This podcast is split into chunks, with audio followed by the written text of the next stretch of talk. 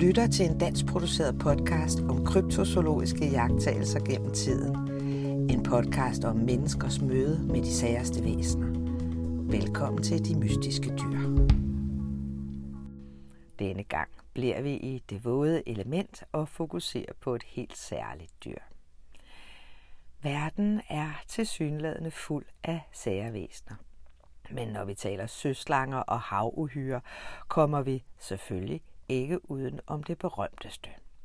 Dette besynderligt udseende dyr, der hvert år indbringer Skotlands turistindustri millioner af pund. Man mener, at mere end 11.000 mennesker gennem årene har set noget, der måske kunne være et ukendt dyr i søen. Men rigtig mange ønsker ikke at dele deres oplevelse med andre af frygt for at blive hjælpeløst til grin. Flere hundrede tusind mennesker tager hvert år til denne ferskvandssø i håbet om at få et glimt af det savnomspundne monster. Loch Ness er Skotlands største indsø, og det er en af verdens dybeste. Den er 40 km lang og omkring 1,5 km bred. Den er mere end 220 meter på sit dybeste, måske endda dybere. Loch Ness indeholder 750 millioner kubikmeter vand og er hjemsted for mange ål og store laks. Vandet bliver mudret og uigennemsigtigt på 5 meters dybde og er længere nede næsten uigennemtrængeligt for lys. Selvom det kan blive koldt i Skotland om vinteren, har man endnu ikke konstateret, at søen bundfryser. Der er altid omkring 5 grader længst nede. Med få undtagelser bliver Nessie beskrevet som et dyr på mellem 10 til 15 meter med en lang slangelignende hals, en lang hale, et lille hoved og to-tre tydelige pukler eller buler på ryggen. Nogen har også bemærket en slags horn på hovedet og en rød opspilet mund. Af en eller anden grund har man besluttet, at Nessie er af hundkøn. Man har ovenikøbet givet hende et officielt navn, nemlig Nessiteras rombocterus, som betyder næsuhyret med den rompeformede, diamantformede finde. Det navn fik hun af biologen Sir Peter Scott. I 1983 så bliver Loch Ness-søen undersøgt for søslanger øh, med sonar på kryds og på tværs gennem syv uger. Det største man fandt var en fisk på en meter. Desværre så kunne sonaren kun nå ned i 33 meters dybde, så der var meget store områder, som man ikke kunne undersøge. I oktober 1987 så sejlede projekt Deep Scan over tre dage med 24 motorbåde side om side gennem søen. Alle bådene var også denne gang udstyret med sonar. Og som en af deltagerne senere sagde under interview, Måske er de smartere end vi, dem der er dernede. I 2018 så lavede en gruppe forskere fra blandt andet University of Otago og også fra Statens Naturhistoriske Museum i København flere miljø-DNA-prøver. De udtog mere end 250 vandprøver fra forskellige dybder i Loch Ness med henblik på at afdække søens største fiskearter. Resultatet blev offentliggjort i september 2019 og viste, at der er store mængder ål i Loch Ness. Desværre så kunne man ikke afgøre ålenes størrelse ud fra DNA, men forskerholdet fandt interessant nok slet ingen DNA fra krybdyr, fra hajer, stør, fra laks eller for eksempel fra maller. Dog skal det lige nævnes, at op imod en femtedel af prøverne ikke kunne identificeres.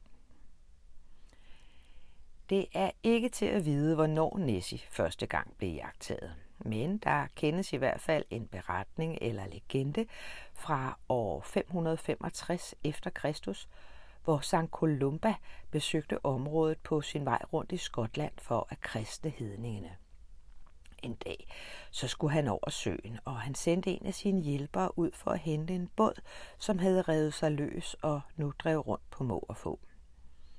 Inde fra bredden, så kunne de skrækslagende folk se, hvordan et gigantisk uhyre rejste sit hoved over vandoverfladen og svømmede hen mod den arme mand. Manden skreg, og troede vel, at han skulle ende i maven på en sulten søslange, men heldigvis var Sankt Columba ikke sådan at skræmme, og i Kristi navn beordrede han dyret til at forsvinde og blive væk. Søslangen forsvandt, og svømmeren overlevede mirakuløst. Man må gå ud fra, at Sankt Columba scorede nogle point hos lokalbefolkningen på den oplevelse. Nessie er set sporadisk gennem flere århundreder, men det var først i forbindelse med udbygningen af vejnettet rundt om søen, at der for alvor kom gang i observationerne. Mens omfartsvejene blev bygget, indløb der stadig flere jagttagelser, og nogle skolebørn var på et tidspunkt overbevist om, at de havde set en stor kamel ude i søen. Den 27. august 1930, så rapporterede tre fiskere om et forunderligt møde med Nessie. De så alle tre et stort dyr på omkring 6 meter, der vivlede store mængder vand op i overfladen. Og da dyret passerede, fik den båden til at vippe voldsomt. Alle tre fiskere var enige om, at der var tale om et stort levende væsen, og at det var det, der havde lavet bølgegangen. Da aviserne begynder at skrive om hændelsen, indløb der pludselig mange lignende rapporter fra andre mennesker i området, der også mente, at de havde jagtet noget mærkeligt i søen. Forvalteren, Alex Campbell, han er måske den mand, der besidder rekorden i at have set Nessie flest gange. Ifølge ham selv har han set søslangen mere end 20 gange. En af hans bedste jagttagelser stammer fra 1934, hvor han en morgen stod ved mundingen af floden Hawick. Pludselig hørte han lyden fra to trålere på vej ud. I samme øjeblik så han, hvad han beskriver som oprørt vand, og op ad vandet dukkede en lang grå hals på omkring 1,80 cm op og en puklet krop på hen ved 9 meter. Dyret var tydeligvis opskræmt af lydene fra kutterne og slog med hovedet, mens det så efter bådene. Da trålerne kom til syne, forsvandt dyret hurtigt tilbage under vandoverfladen. Mester Campbell gjorde som nævnt en hel del jagttagelser, og en af de sidste skete kort før hans pensionering, hvor Nessie blev set af mere end 50 mennesker heriblandt ham selv. Det var den 8. oktober 1936, hvor Nessie dukkede op af vandet foran to store grupper af turister. Alle så de en lang hals og en krop med to pukler. Mange af turisterne havde der med, men af en eller anden grund blev der ikke taget billeder af Nessie ved den lejlighed. Synet varede ellers mest af et kvarter, før dyret atter sank ned under vandoverfladen. Nessie blev regelmæssigt set op gennem 1940'erne og 50'erne, men af en eller anden grund var der særlig mange jagttagelser i 1960'erne og i 70'erne. I 1971 så så fader Gregory Busry selv søslangen i cirka 20 sekunder, mens den svømmede rundt i søen på en afstand af 250 meter. Han så, hvad han senere beskrev som en lang hals, fuldt af en pukkel. Han fortalte os, at hvis ikke lige hans venner havde stået ved siden af ham, så var han nok løbet sin vej. For ham var synet uhyggeligt og lignede noget fra en helt anden verden. En tysk nonne. Hun gik langs søen med sin veninde, Mrs. Robinson, i 1975, da de begge så dyret. Mrs. Robinson havde lige taget et billede af nonnen, og i det hun rækker kameraet tilbage, får hun øje på søslangen ude i vandet. Hun beskrev den til at være en 12-13 meter lang, med en tydelig hals, der ragede 3 meter op ad vandet. Skinnet var gråligt, med en lysere underside nederst på halsen. Mrs. Robinson. Hun bad nonnen, der nu stod med kameraet, om hurtigt at tage et billede. Men hun blegnede fuldstændig ved synet af søslangen og faldt i redsel ned på knæ. Og Nessie forsvandt endnu en gang ned under vandoverfladen. I 1996 så så ægteparet Monroe søslangen ude på søen.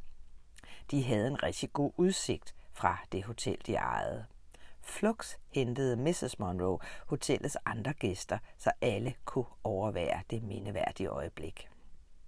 David Monroe, han løb ind efter sit teleskop, som han brugte til at studere stjernehimlen med, og skønt han sagtens kunne se et stort dyrelignende væsen ude i vandet, så kunne han ikke med sikkerhed sige, hvad det var, han havde i kikkerten. Men hotelejeren David Monroe har senere selv flere gange gennem årene set ting, han ikke kan forklare, men han medgiver dog gerne, at det ikke lige frem har skadet hans forretning at have den berømte søslange som nabo. De fleste tror nok, at det kun er i selve søen, at man kan være heldig at se Nessie, men der eksisterer faktisk flere jagttagelser af dyret på land den 28. april 1933, så kørte ægteparet Spicer i bil langs søen, da Mrs. Spicer pludselig pegede på et underligt væsen, der bugtede sig som en sæl foran dem. Dyret, der havde et eller andet i munden, krydsede vejen et stykke længere fremme og forsvandt med et stort plask ud i søen. De beskrev senere dyret som ret langstrakt og med en lang, smal hals. Ved første øjekast mente de, at dyret havde været omkring 180 cm langt, men senere ombestemte de sig og sagde, at det kunne have været helt op til 9 meter, eftersom de pludselig var kommet i tanke om, at det virkede længere, end vejen var bred. Denne hændelse fik naturligvis verdenspressen op af stolen, og masser af nyhedshold begyndte at besøge området i håb om at få en god historie med hjem.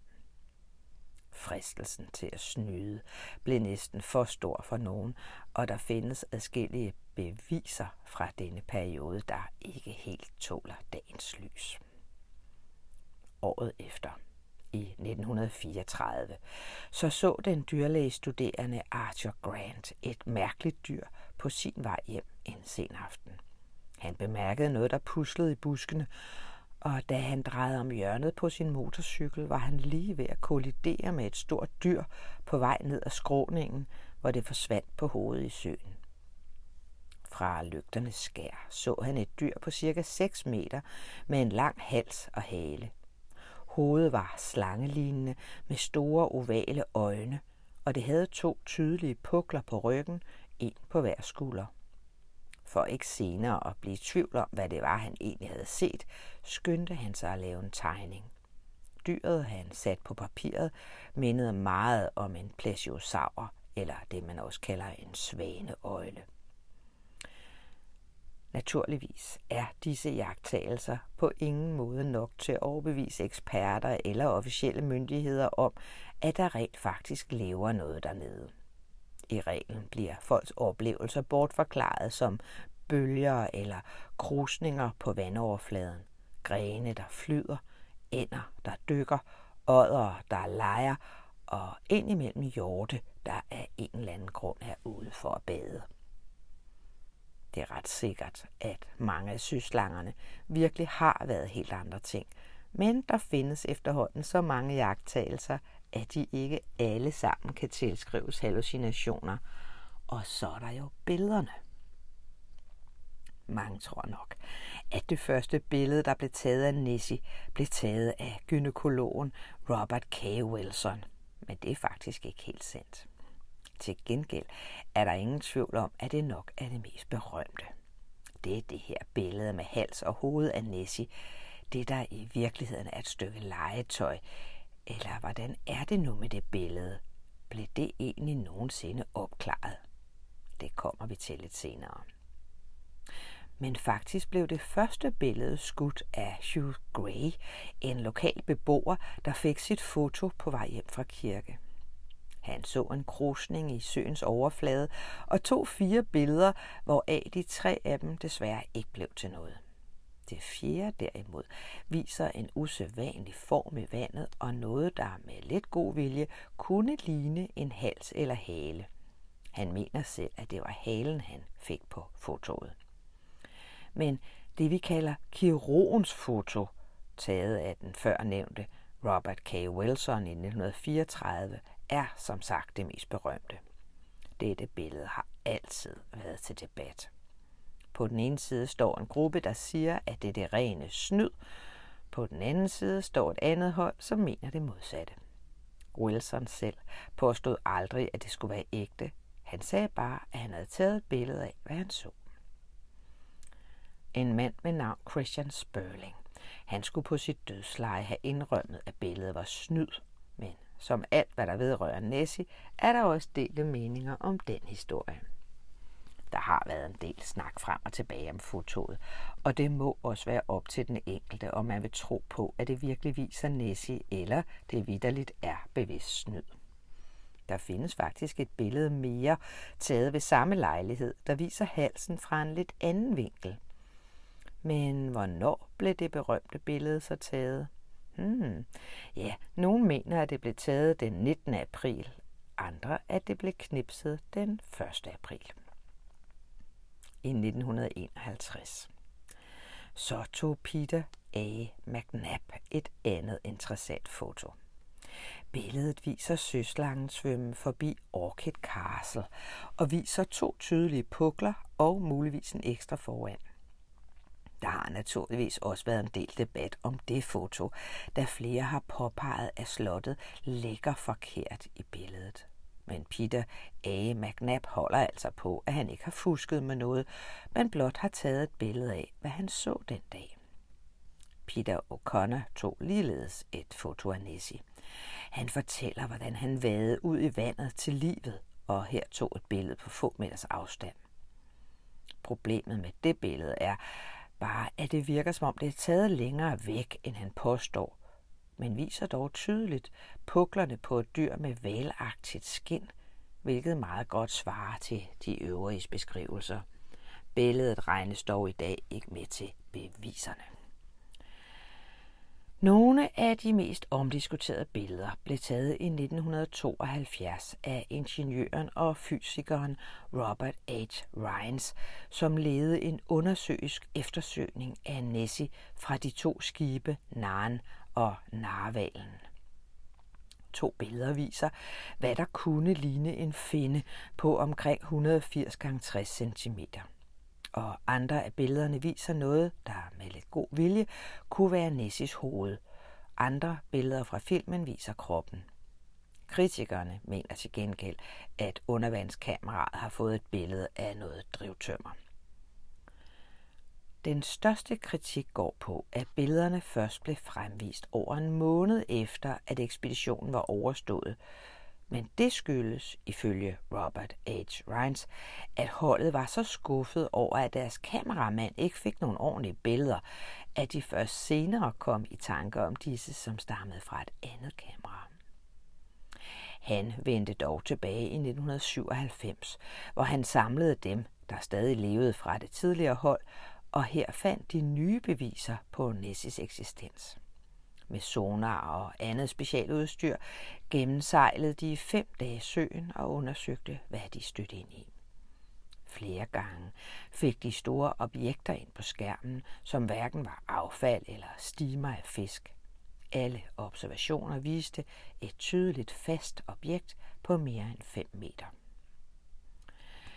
Den psykiske forsker Anthony Shields påstår at have fotograferet Nessie i 1977. Men hans billeder er der meget delte mening om.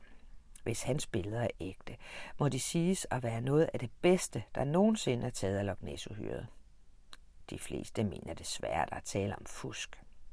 Blandt andet så sidder Nessie helt, helt stille på billederne. Der er ikke så meget som en krusning i vandoverfladen. Alligevel viser de lige præcis Nessie, som adskillige øjenvidner beskriver hende, men det er altså, som om billederne er lidt for gode til at være ægte. Men igen, det må den enkelte selv afgøre. Frank Shields billede er man derimod overhovedet ikke i tvivl om. Det er helt sikkert snød. Hans billeder viser aldrig det samme, og de søslanger, han altid er så heldig at komme på klodshold af, virker altid sådan lidt døde i sværen. Et af hans mest pudsige billeder ligner fantastisk godt en bestemt plastikbrontosaurus, som sælges til turisterne som legetøj på det lokale museum. Filmoptagelser. Ja, de er jo modsat fotos af lidt større værdi. Det er lidt sværere at snyde med film, selvom det også er blevet nemmere, men de viser modsat fotos også optagelser af bevægelser. Og der findes faktisk en del små filmstumper af Loch ness og nogle af dem virker ret troværdige.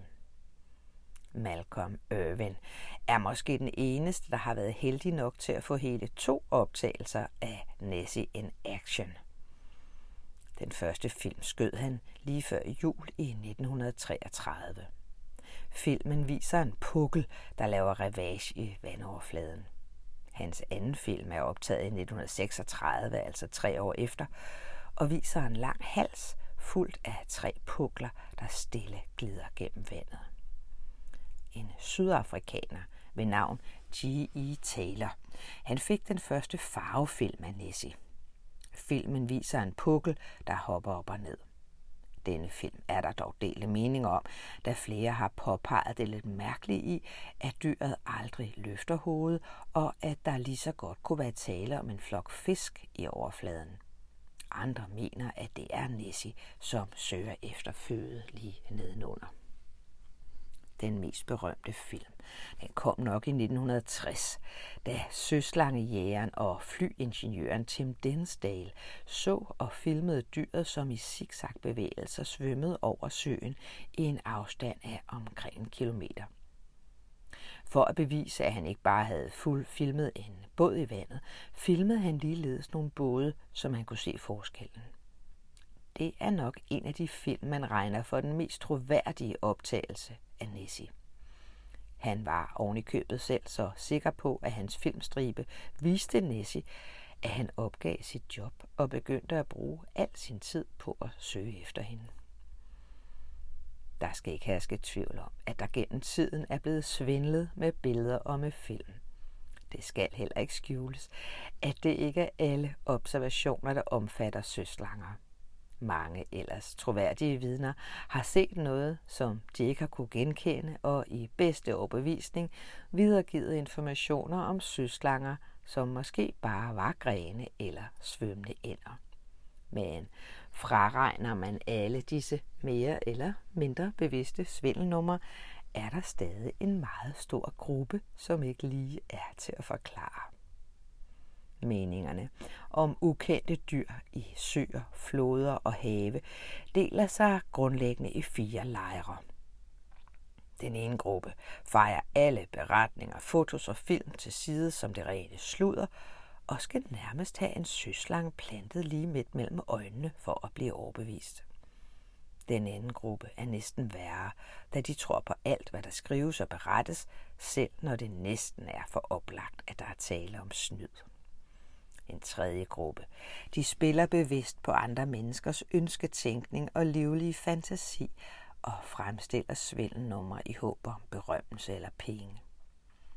Men ud over løgnhalse, svindler og godtroende fjolser, findes der en gruppe af oprigtige ærlige mennesker, der bare har været på det rigtige sted på det rigtige tidspunkt, og her oplevede forvirrende iagttagelser af noget, der måske kan henregnes til ukendte dyrearter.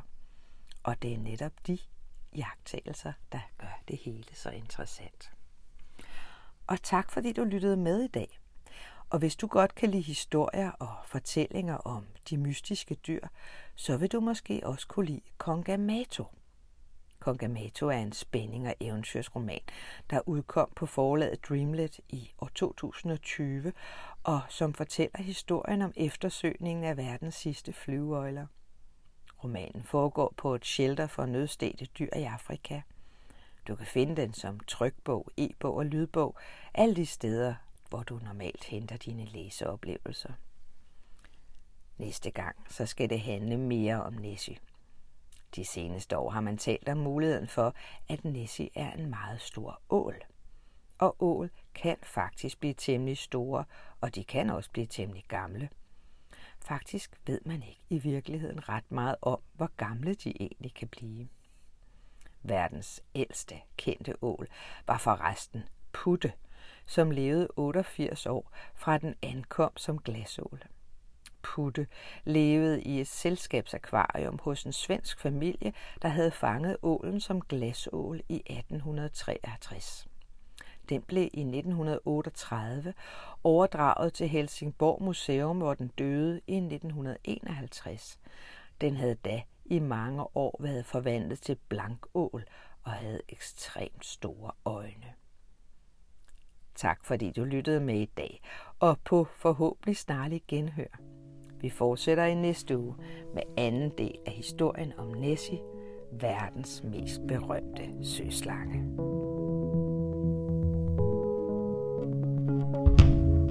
Du har lyttet til podcasten De Mystiske Dyr. En dansk produceret podcast om kryptozoologiske mysterier gennem tiden. Skabt og fortalt af Michael Rosenkilde. Musik Karl Frøkær Jensen. Jeg håber, at du har lyst til at lytte med igen næste gang.